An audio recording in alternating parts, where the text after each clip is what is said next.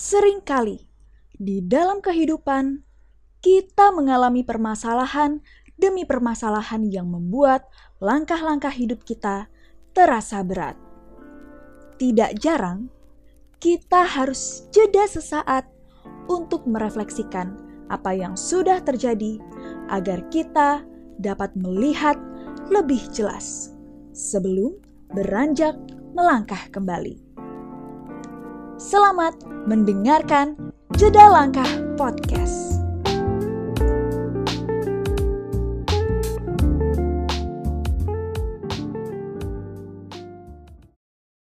Halo Sobat Jelang, apa kabar nih kalian semua? Semoga kalian baik-baik saja. Nah, kembali lagi di episode terbaru dari Jeda Langkah Podcast bersama saya Setiawan. dan saya Gugus.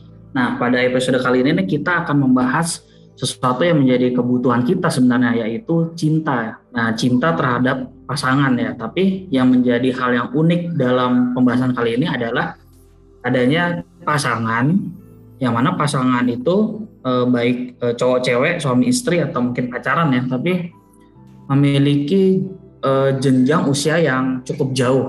Nah, kira-kira tuh eh, apa yang akan badai apa yang akan dia terjang gitu. Dan apakah eh, pasangan-pasangan yang beda usianya tuh terpaut cukup jauh gitu selamat menghadapi badai di dalam bahteranya mereka berdua nggak gitu? Nah by the way sih sebenarnya inspirasi dari episode kali ini juga kalau nggak salah terinspirasi dari film terbaru yang disutradarai oleh Tyler Swift ya Mas Tiawan ya Betul betul. Soalnya seperti yang kita ketahui nih, uh, di mana pun sekarang sudah kita temukan banyak pasangan misalnya beda usia nih, baik itu uh, lelakinya jauh lebih tua sampai 10 tahun, atau malah kebalikan uh, wanitanya yang jauh lebih tua nih 10 tahun daripada uh, prianya. Dan itu menjadi sekarang ini walaupun sudah sering kita temukan, ternyata itu misalnya tadi itu uh, banyak hal-hal yang cukup sulit, istilahnya mereka alami atau uh, baik itu dari yang mereka alami sendiri atau dari stigma dari masyarakat yang melihat hal itu nih. Nah, daripada kita istilahnya daripada kita uh, panjang-panjang lagi nih, sekarang sudah bergabung bersama kita nih sahabat sharing Jelang yang mau berbagi ilmu atau istilahnya berbagi pengalaman beliau yakni Kak Raisa Hadiman MC uh, yang merupakan Child and Adolescent Clinical Psychologist yang juga merupakan co-founder dan psikolog dari Biro Psikologi Personal. Apa kabar nih Kak? Halo, kabar baik, Kak Setiawan, Mas Gugus, apa kabar? halo Mbak Risa Ya, ini dipanggilnya eh, sahabat jelang ya? Betul. sahabat jelang Oh, oke, oke, oke. Jelang Ya, itu jeda jelang. langkah, betul, sahabat jelang. Oke, baiklah. Oke nih, Kak Kak Raisa, saya mau nanya sih sebelum sebelum kita memasuki mengenai uh, misalnya pasangan berbeda, pembahasannya. pembahasan berbeda jauh berbeda usia. Sebenarnya nih uh, gimana sih kok uh, proses kita bisa jatuh cinta nih? Hmm, eh, sebenarnya kalau ngomongin gimana sih proses kita bisa jatuh cinta itu sangat-sangat personalized untuk masing-masing orang gitu ya. Ada yang proses jatuh cintanya tuh tadinya nggak suka, eh tapi lama-lama jadi demen karena kebiasaan ketemu tiap hari. Ada juga yang awalnya tuh eh, biasa aja, tapi karena ada suatu kebutuhan jadi akhirnya ya udah deh mencoba membuka hati dan akhirnya berhasil membuka hati gitu ya. Ada juga yang memang udah love at the first sight gitu. Jadi dari pertama memang udah uh, jatuh cinta nih gitu. Tapi sebenarnya kalau secara umum nih, secara umum em, jatuh cinta itu biasanya ada lima stage atau ada lima tahap. Yang pertama itu ada tahapan yang namanya butterflies. Jadi itu adalah tahapan di mana kita uh berbunga-bunga banget, deg-degan banget. Terus kalau misalnya uh, masih baru PDKT tuh itu biasanya butterflies-nya kuat banget. Jadi begitu dia slow respon sedikit kita udah langsung kayak eh ke mana ya, aduh jangan-jangan gue digantungin nih gitu. Eh, tapi di satu sisi nanti begitu dia bales ngomong good night aja itu rasanya kayak udah uh ya ampun happy banget gitu ya. Nah itu fase-fase butterflies itu yang pertama banget. Terus stage berikutnya itu ada juga building namanya, stage building. Nah di stage yang building ini itu kalau yang sebelumnya di stage butterfly itu kan lumayan up and down ya. Kita bertanya-tanya kayak, eh ini dia tuh beneran suka sama gue gak sih? Tapi di satu sisi juga kayak, uh berbunga-bunga banget. Nah kalau di fase yang building ini, uh, kita udah cukup konsisten ngerasa happy gitu, ngerasa kayak, oh my god seneng banget nih bisa sama dia gitu mudah-mudahan bisa sama dia terus dan lain sebagainya gitu itu di fase yang building jadi perasaannya udah makin kuat di fase building ini. Udah bukan sekedar bergetar-getar lagi tapi istilahnya udah ada bondingnya gitu ya kalau di fase building ini. Terus di stage yang ketiga atau di tahap yang ketiga itu ada assimilation. Jadi di tahap ini tuh kita mulai nemuin kayak eh kok ada hal-hal di diri aku yang aku nggak punya dia bisa lengkapin. Kok ada sesuatu di diri aku yang aku butuhin selama ini aku nggak dapet kok dia bisa kasih atau bisa juga kita mulai nemuin eh ya ampun aku sama dia tuh sama banget. Sama-sama seneng olahraga sama-sama seneng ini seneng itu gitu ya. Akhirnya bikin kita makin klop gitu. Itu di fase asimilasi. Biasanya yang nggak sama juga suka disama-samain aja. Supaya ya supaya happy aja gitu ya. Ya supaya apa ya? Ya supaya nyocok gitu ya kelihatannya. Jadi ada beberapa pasangan tuh yang sebenarnya nggak suka olahraga sih. Tapi karena ya karena pacar aku suka olahraga aku juga berusaha deh buat suka olahraga gitu ya. Kadang-kadang kayak gitu. Terus di stage yang keempat itu ada honesty namanya. Nah di stage honesty ini itu mulai kelihatan tuh. Yang tadinya memang nggak suka tapi dipaksain di stage yang assimilation. Di stage honesty ini orang kan udah mulai capek ya untuk uh, berusaha gitu ya. Jadi hmm. kalau yang tadinya nggak suka olahraga, terus maksain diri buat olahraga, di stage yang keempat ini dia udah mulai, aduh udahlah capek nih kayak gini terus gitu. Aku pengen jadi diri aku aja apa adanya gitu. Nah itu di honesty itu biasanya udah mulai muncul lah sifat aslinya kayak gimana, cara penyelesaian masalahnya gimana, cara uh, dia kalau ngekspresiin marah gimana gitu kebiasaan-kebiasaan jeleknya apa dan lain sebagainya jadi benar-benar udah kebuka dan di situ biasanya fase yang betul-betul muncul banyak konflik gitu nah di stage yang kelima itu ada stage yang namanya uh, bisa dibilang final decision ya. Jadi uh, di stage yang kelima ini setelah menghadapi berbagai kejujuran dan keterbukaan di stage yang keempat uh, akhirnya di stage yang kelima ini akan diputuskan gitu. Apakah hubungan ini akan berlanjut dan lebih stabil pastinya karena udah saling terbuka nih satu sama lain gitu kan. Jadi udah saling kenal yang aslinya bukan hmm. yang di fase-fase uh, assimilation dan butterfly sebelumnya gitu atau bisa juga diputuskan untuk ya udah kita end aja di sini gitu jadi kurang lebih sih gambarannya setiap orang tuh biasanya umumnya mengalami lima stage itu sih ketika mereka jatuh cinta. Begitu. Wow, wow. Ya jatuh cinta itu berarti memang ada satu proses yang dia itu menggebu-gebu dulu ya. Jadi kayak uh, bisa dikatakan tuh cinta buta gitu kali ya. Kalau kalau ada statement cinta buta itu gimana tuh mbak ya? Jadi jadi katanya tuh kayak kalau dikatakan apa tai kucing rasa coklat walaupun coklatnya nggak dikasih gula gitu ya hmm. masa nah, kayak gitu mas Gus Step, statement cinta buta tuh gimana tuh uh, nah kalau kita ngomongin cinta buta ini different things lagi ya tapi sebenarnya bisa dibilang ketika kita ada di fase butterfly itu uh, sebagian besar orang memang akan mengalami tuh yang namanya cinta buta gitu karena mereka lagi di fase penasaran. Jadi hal-hal buruk pun bikin mereka deg-degan, bukan bikin mereka mundur, tapi bikin mereka deg-degan. Yang mana kalau kita ada rasa deg-degan dari segi kedokteran ya, mungkin Kastiawan lebih paham. Itu kan ada hormon adrenalin tuh ya yang teraktivasi. Hmm. Nah, ketika hmm. ada hormon adrenalin yang teraktivasi itu kan uh, gimana ya kayak ngasih kita energi untuk cari tahu lebih lanjut, deketin lagi lebih lanjut gitu kan.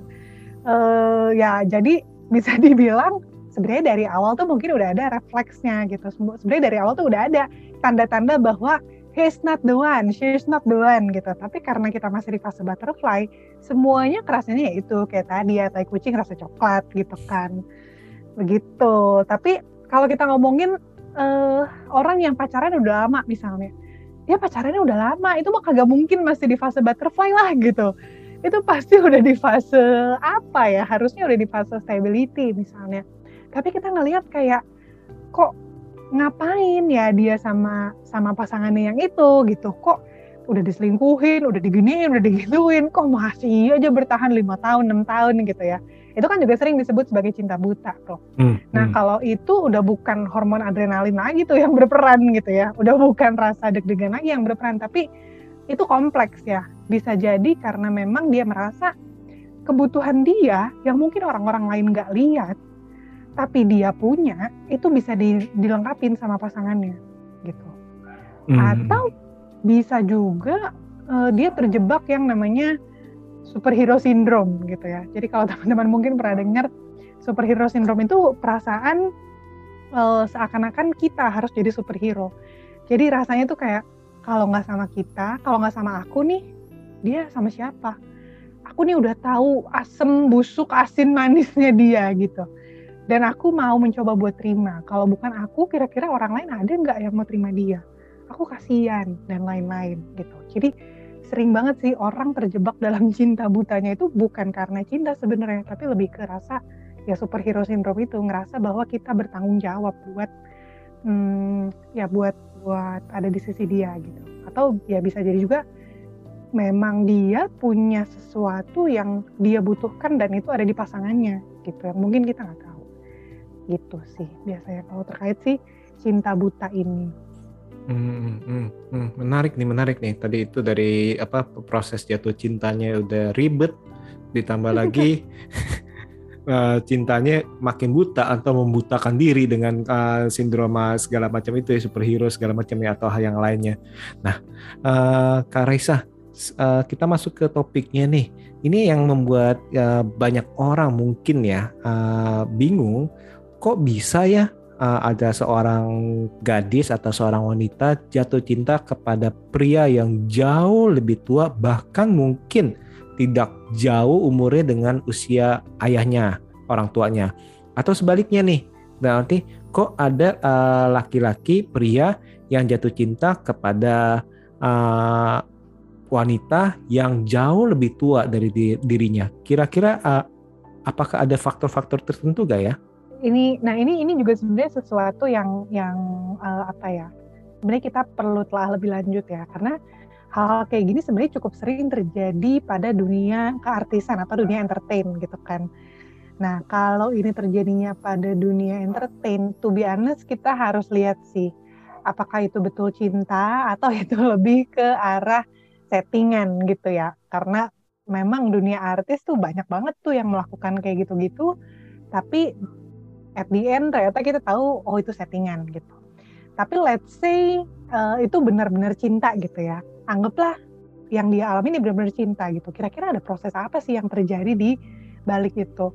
Uh, sebenarnya balik lagi kalau kita lihat tadi stage yang ketiga uh, stage yang asimilasi itu kan uh, suatu stage di mana kita ngerasa kita sama dia tuh kayak puzzle yang saling melengkapi gitu jadi kita punya suatu kebutuhan atau kita punya suatu kekosongan atau kalau puzzle itu kan biasanya ada celah-celah atau ada bagian-bagian yang dekok-dekok gitu ya, yang menjorok ke dalam gitu.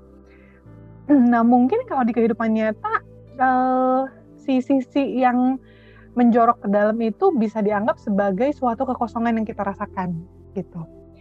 Misalnya kekosongan yang kita rasakan adalah kita ngerasa uh, sosok orang tua kita di rumah kurang mengayomi nih, kurang ngasih kehangatan nih gitu. Jadi akhirnya ketika ketemu uh, lawan jenis yang usianya mirip-mirip dengan orang tua kita dan ternyata dia memberi kehangatan, kita tuh bisa salah mengartikan itu sebagai suatu cinta yang romantis gitu. Jadi akhirnya ya udah berlanjut gitu karena kita ngerasa oh ini ada ada potongan puzzle yang match yang kita temukan gitu. Yang bisa melengkapi kekosongan yang aku rasain nih gitu. Jadi akhirnya ya udah kita kita meng mengartikan itu sebagai suatu perasaan cinta yang romantis ya dan akhirnya uh, dilanjutkanlah ke hubungan yang lebih jauh gitu. Tapi intinya sebenarnya faktor terbesar kenapa seseorang memilih untuk uh, berhubungan dengan pasangan yang jauh di atas usianya, kebanyakan memang karena mereka ngerasa ada kekosongan yang bisa diisi oleh orang tersebut gitu, oleh pasangan kita tersebut gitu. Ya sebaliknya juga oleh kenapa orang yang usianya jauh lebih di atas kok milihnya anak-anak masih kecil gitu ya. Nah itu juga sama sih sebenarnya ada ada suatu kekosongan yang ternyata mereka merasa bisa diisi oleh anak-anak yang lebih kecil ini gitu ya. Entah itu misalnya pride, biasa kan gitu ya. Kadang-kadang kalau misalnya kita udah tambah umur, tapi kita berhasil gitu istilahnya kita berhasil menggait pasangan yang lebih muda itu kan di situ juga ada pride. Oh ternyata gue tua-tua gini juga yang naksir masih anak-anak muda nih gitu kan. Ada hmm. ada lah gitu hmm. unsur-unsur begitu. Gitu biasanya faktornya kurang lebih begitu sih. Bahkan tuh ada di kalau nggak salah di Ponorogo. Nah saya mau bacain dulu, dulu nih di Ponorogo itu ada eh, justru malah ini mbak pemuda umur 29 tahun itu menikahi nenek-nenek usia 76 tahun. Hmm. Ya terlepas dari mas masalah apa yang terjadi gitu. Kan bikin penasaran juga ya kok ada anak muda gitu. Dia menikahi nenek-nenek umur 76 tahun. Ada juga kalau nggak salah tuh di Subang. Nah, di Subang itu kakek-kakek umur 78 tahun menikahi gadis umur 17 tahun. Nah kalau kalau statementnya uh, kan tadi ternyata faktor faktor mencintai bahkan sesaat nikah aja. Terkadang bahkan malah five states of love gitu. Mm-hmm. uh, agak agak apa ya mungkin kadang agak agak unik juga gitu. Karena kakek-kakek kalau kalau tongkrongannya udah beda gitu. Gimana cara dia bisa bisa nyambung? Uh, pertanyaan saatnya nih mbak.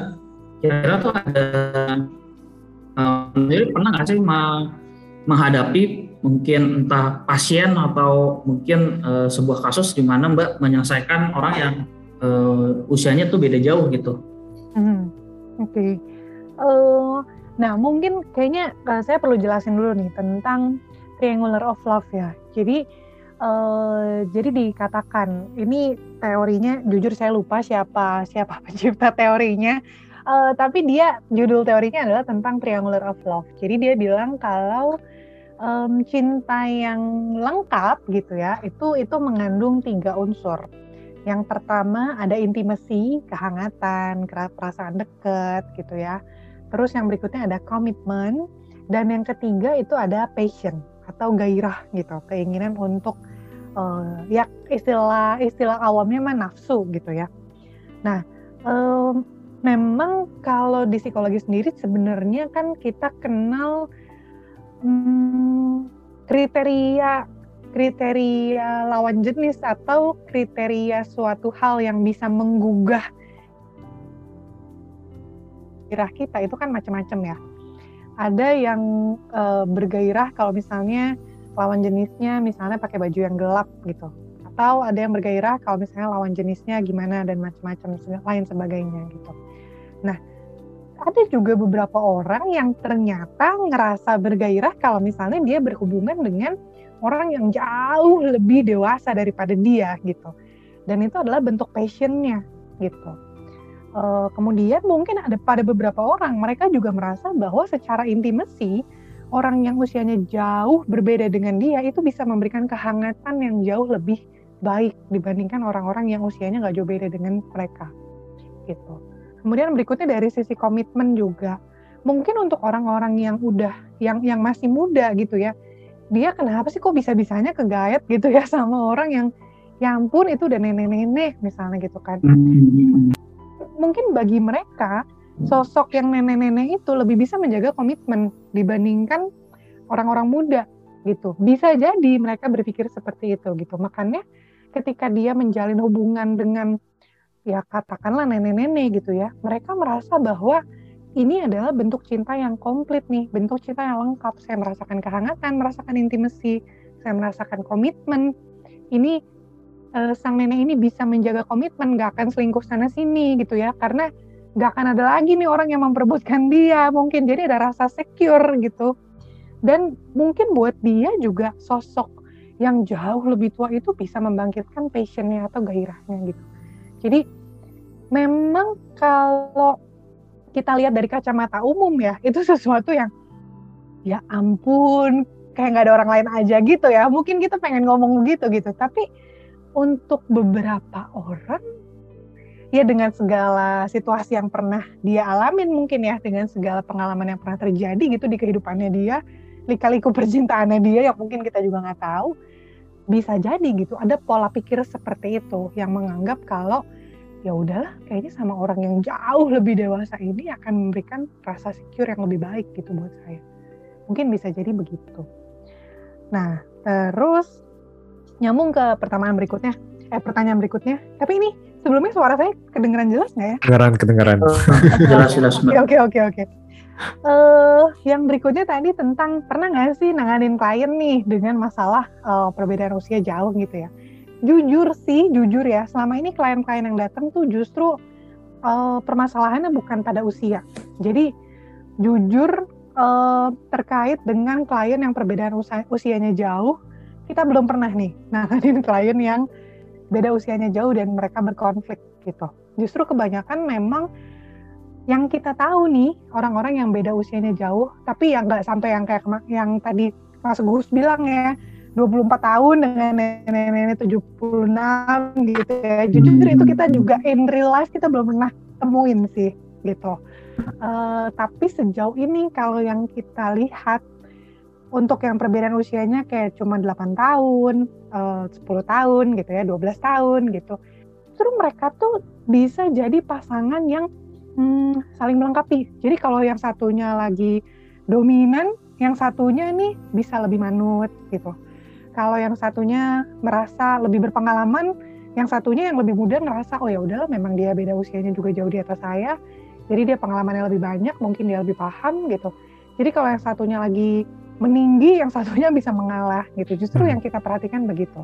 Nah di pasangan-pasangan yang masih relatif muda dan beda umur yang nggak terlalu jauh, justru konflik itu yang sering kali terjadi. Dua-duanya nggak mau ngalah, dua-duanya ngerasa uh, dominan gitu dua-duanya ngerasa berhak untuk memberikan pendapatnya dan lain sebagainya.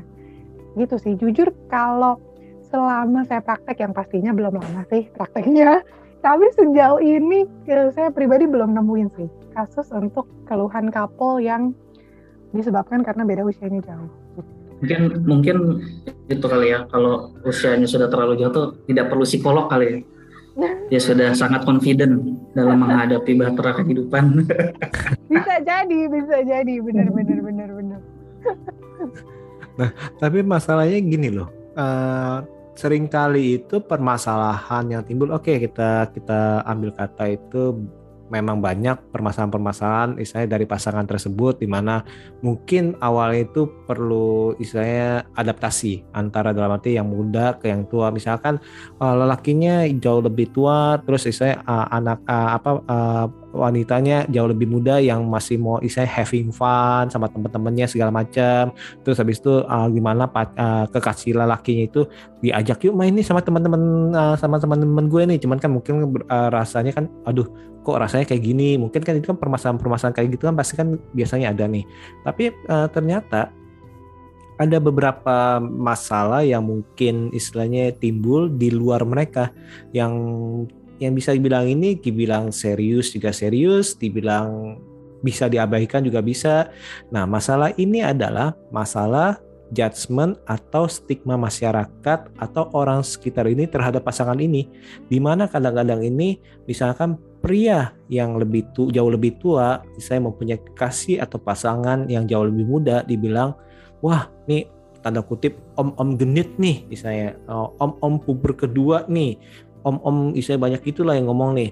Atau sebaliknya nih uh, anak uh, istilahnya uh, perempuan atau wanita yang jauh lebih muda mempunyai pasangan kekasih yang jauh lebih uh, lebih tua dan arti itu di sering dicap ah kamu ini gold digger aja ah kamu ini istilahnya ya semuanya hal-hal yang negatif nih padahal belum tentu hal itu terjadi yang mana kemungkinan besar uh, mungkin juga yang mereka itu memang jatuh cinta dengan tulus tulus tulusnya. Nah kalau dari Kak Raisa sendiri itu melihat istilahnya stigma masyarakat masih seperti itu gimana nih? Hmm, Iya ya, ngomongin stigma ini uh, menarik. Mungkin pertama-tama saya ngerasa saya perlu ngelurusin dulu tentang stigma yang ini. Jadi uh, banyak banget orang yang bilang kalau uh, misalnya ibu-ibu 50 tahun pacaran sama laki-laki 30 tahun gitu ya hmm, atau hmm. bapak-bapak hmm. 60 tahun pacaran sama perempuan 25 tahun gitu. Itu tuh sering kali distigmanya sebagai pedofil. hmm. gitu kan. Hmm, Dibilangnya juga ya. Ah, ah, ah, pedofil gitu kan sering hmm. dibilangnya. Hmm. Nah, saya perlu ngelurusin dulu bahwa yang dimaksud pedofil itu kalau kita uh, punya passion atau punya gairah pada anak-anak yang belum puber gitu. Jadi kalau usianya 30 tahun, kalau usianya 25 tahun itu kan usia-usia sudah puber ya. Jadi itu bukan pedofil gitu. Nah, mungkin itu dulu aja yang perlu aku lurusin pertama-tama.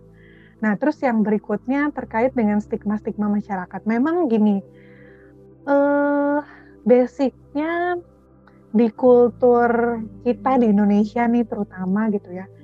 Mungkin di luar negeri juga, tapi di Indonesia dan di Asia kayaknya lebih kuat gitu terbiasa untuk ikut memutuskan tentang uh, pasangan yang cocok untuk si X gitu ya. Atau misalnya keluarga besar tuh ngerasa berhak untuk memberitahu, memberi nasihat gitu ya. Maksudnya pasti baik gitu. Sesuai dengan adat budaya, sesuai dengan pemahaman agama dan lain sebagainya. Maksudnya pasti baik gitu. Tapi memang diperkuat juga dengan kultur Asia, terutama Indonesia yang uh, apa ya cukup ya gotong royong mungkin ya istilahnya ya. Jadi pemilihan pasangan aja tuh gotong royong istilahnya begitu tuh. Jadi uh, apa ya dalam dalam memilih pasangan tuh kan kita perlu penerimaan dari bukan cuma dari kita aja tapi dari orang tua juga. Karena dari kakek nenek juga, dari om, om tante, tante pun juga. Betul. Dari om tante, dari bude, pak de, bule, pak le gitu kan, dari ya dari dari berbagai sisi lah. Bahkan dari pertemanan pun juga gitu kan. Hmm. kalau misalnya teman-teman kita nggak terima tuh seakan-akan aduh gimana nih? Gitu. Ini something big gitu kan yang perlu dipikirkan gitu. Hmm, padahal kalau kita lihat di luar negeri ya mungkin ada juga sih iya, pandangan kayak wah kok dia pasangannya tua banget beda umurnya gitu tapi karena orang luar negeri lebih individualis jadi mungkin mereka juga walaupun berpikir begitu nggak akan mereka katakan gitu Beda dengan orang-orang di sini karena merasa berhak untuk memberitahu atau merasa perlu untuk memberitahu, jadi akhirnya judgement-judgement seperti itu tuh jadi kuat sekali gitu.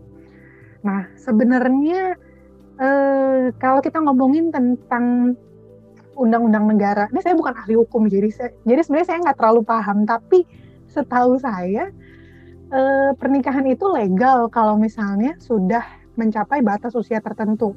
Saya lupa sih tepatnya berapa kalau nggak salah perempuan 17 laki-laki 18 atau berapa gitu. Tapi jadi intinya sebenarnya secara hukum mau usia 50 menikahi umur 20 mau usia eh, 30 menikahi umur 80 gitu sebenarnya secara hukum sih itu legal gitu dan secara psikologis pun kalau misalnya memang um, mereka tetap cukup adaptif di lingkungan gitu ya. Mereka ya dengan dengan punya pasangan yang seperti itu mereka tetap bisa bekerja. Dengan punya pasangan yang seperti itu mereka tetap bisa uh, menjalani kehidupannya sehari-hari dengan baik gitu ya. Ya sebenarnya sih juga nggak ada masalah gitu. Cuma ya memang balik lagi karena kita hidup di lingkungan sosial jadi beberapa pandangan orang tuh pasti sangat penting untuk jadi masukan juga gitu untuk kita pertimbangan pertimbangkan. Kalau misalnya memang kita ngerasa kayaknya saya nggak akan bisa hidup tenang nih kalau misalnya saya nggak ngikutin nasihat dari orang tua saya gitu. Oh ya udah kalau gitu berarti kita harus ngambil keputusan. Kalau orang tua nggak setuju ya berarti kita perlu ngambil keputusan apa nih gitu. Tapi kalau kita ngerasa hmm kayaknya uh, saran dari orang tua saya ini masih negotiable gitu ya oh ya udah monggo gitu silakan diambil keputusan intinya jangan sampai satu keputusan di hidup kita membuat mental health kita terganggu gitu aja sih sebenarnya hmm, paling hmm. penting. Oke, okay. berarti mereka-mereka yang usia rentangnya cukup jauh juga menghadapi ini ya, istilahnya mentalnya tuh udah lebih kuat tuh dalam menghadapi stigma-stigma yang barusan tadi itu. Oh iya, iya banget. Pasti pasti diomongin dan biasanya yang uh, dapat stigma negatifnya itu yang usianya lebih tua ya. Hmm, iya, iya. Begitu. Soalnya mereka dianggap sebagai seseorang yang harusnya lebih tua, lebih bijak dong, lebih bisa mengayomi. Kok sementara kamu malah istilahnya kayak menjermuskan uh, orang-orang yang lebih hmm, muda hmm, gitu. Hmm, hmm, hmm. Oke oke. Nah, uh, Mbak Reza nih, mungkin pertanyaan terakhir nih. Kira-kira ada apa ya, mungkin tips dan trik atau mungkin saran nih supaya pasangan-pasangan beda usia gitu atau enggak ya mungkin pasangan pada umumnya deh supaya mereka tuh tetap langgeng atau tetap ya bisa menghadapi badai yang mereka jalani gitu. Mm -hmm kunci utamanya itu udah pasti di komunikasi. Ini udah resep basic untuk setiap hubungan, nggak cuma hubungan uh, relationship yang romantis aja, yang pasangan aja, tapi juga hubungan pertemanan, hubungan dalam keluarga gitu. Kunci basicnya adalah komunikasi gitu. Jadi hmm, untuk supaya kita bisa langgeng ya kita perlu untuk mengkomunikasikan pikiran dan perasaan kita di waktu yang tepat dengan cara yang tepat gitu sering kali kan kita justru memilih untuk pasif ya. Mau mikirin apa juga kita nggak usah ngomong aja deh, dipendem aja deh gitu. Atau kita marah, ya udah deh anggap aja nggak ada masalah apa-apa, anggap aja angin lalu gitu ya. Itu kan komunikasi yang pasif. Atau bisa sebaliknya, kita berkomunikasi dengan cara yang agresif. Kalau kita nggak suka langsung marah-marah, kalau kita nggak suka langsung maki-maki gitu. Atau pada saat kita marah, kita omongin tuh semua omongan-omongan yang menyakitkan nanti kalau marahnya udah reda kita nyesel duh kenapa tadi ngomong kayak gitu gitu ya itu yang sering kali terjadi dan akhirnya bikin suatu hubungan tuh tidak berjalan dengan lancar nggak langgeng gitu jadinya. Nah yang harus dilakukan itu berkomunikasi dengan asertif yaitu tadi memilih untuk mengungkapkan apa yang kita pikiran pikirkan dan yang kita rasakan ya dengan cara yang tepat di waktu yang tepat gitu. Ketika kita marah, ketika kita nggak suka, kan kita bisa cukup ngomong, aku nggak suka nih kalau kamu gini gini gini gini gitu. Kan nggak perlu ngomong sampai gimana sih jadi orang bla bla bla bla gitu. Itu kan dua hal yang berbeda ya. E, menyampaikan rasa marah itu tidak harus dengan cara memaki-maki gitu. Hmm, ya sebenarnya kuncinya kunci yang paling utamanya banget itu di komunikasi. Terus yang berikutnya udah pasti komitmen dan ini harus dari dua belah pihak kalau misalnya komitmen hanya dari salah satu pihak ya udah pasti itu bukan komitmen jadinya gitu. Tetap tidak bisa berjalan gitu. Uh, harus dari dua belah pihak sama-sama jaga kesetiaan sama-sama jaga prinsip keluarga sama-sama jaga ya hubungan dengan baik gitu. Jaga apa ya ya jaga nama baik uh, sesama pasangan gitu. Itu juga suatu hal yang penting. Komitmen ini suatu hal yang bisa dibilang makin sini makin langka kali ya. Soalnya makin sini kayaknya makin sering nih kita dengar kasus uh, perselingkuhan lah. Ini yang baru-baru ini mungkin ada yang pernah dengar uh, salah seorang youtuber terkenal banget. Ini boleh disebut nggak sih namanya? Hmm, jangan, jangan. Oh, jangan. Padahal sih saya nggak tahu juga, tapi jangan dulu. Lokal apa ya. luar? lokal lokal lokal dia oh. dia youtuber youtuber terkenal di Indonesia hmm, hmm. inisialnya hmm. N inisial aja ya hmm. uh, inisialnya N nah itu dia pacaran lima tahun udah banyak lah orang-orang yang ngefans dan nge-ship mereka untuk bisa sampai pelaminan gitu.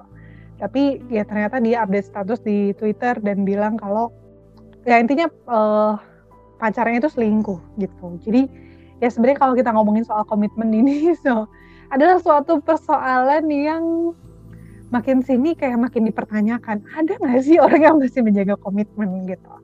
Ya jadi kalau misalnya teman-teman di luar sana uh, tadi sahabat jalang ya namanya ya sahabat jalang di luar sana yang uh, sudah berhasil menemukan pasangan yang bisa saling berkomitmen dan berkomunikasi dengan baik dijaga dengan baik-baik supaya ke depannya hubungan bisa semakin lancar. Oke oke. Wah Wah, gimana nih eh, sahabat jelang nih? Menarik ya pembahasan kita episode kali ini ya dari istilahnya proses kita jatuh cinta, terus ngomongin soal cinta itu buta, terus abis itu ngomongin istilahnya uh, perbedaan usia nih. Nah, uh, Kak, Ria, Kak Raisa nih, bila para sahabat Jelang sedang mengalami dilema mengenai hubungan mereka nih, misalkan, oh iya bener nih, ini kayaknya nih saya ini lagi punya masalah nih, saya punya istilahnya kekasih, kok bedanya jauh beda jauh nih, terus ini kok kayak uh, dari orang tua, dari teman, apa istilahnya, atau dari diri saya sendiri nih, apa benar nih, lagi istilahnya lagi dalam arti lagi galau. Nah, kira-kira nih kalau ingin mungkin ingin berkonsultasi dengan Kak Raisa gimana nih? Oh boleh banget, uh, bisa bikin janji aja lewat app personale.id di Instagram atau boleh juga ke uh, bit.ly slash biro personale. Atau ya gampangnya kayak Instagram aja deh ya at personale.id nanti bisa diakin bisa klik link bionya di situ nanti bisa via admin untuk dibikinin janji. Oke oke. Nanti yang uh, yang pasti itu nanti kita akan lampirkan uh, link IG-nya itu supaya kalian nih mungkin bisa DM DM nih dengan Kak Raisa. Jadi kalian nih yang lagi galau mungkin menemukan jawaban atau kalian yang lagi menghadapi masalah-masalah nih dalam hubungan kalian mungkin bisa nih uh, berkonsultasi dengan Kak Raisa. Oke oke, terima kasih banget nih untuk Kak, Kak Raisa untuk uh, mampir ke podcast uh, Jeda Langkah.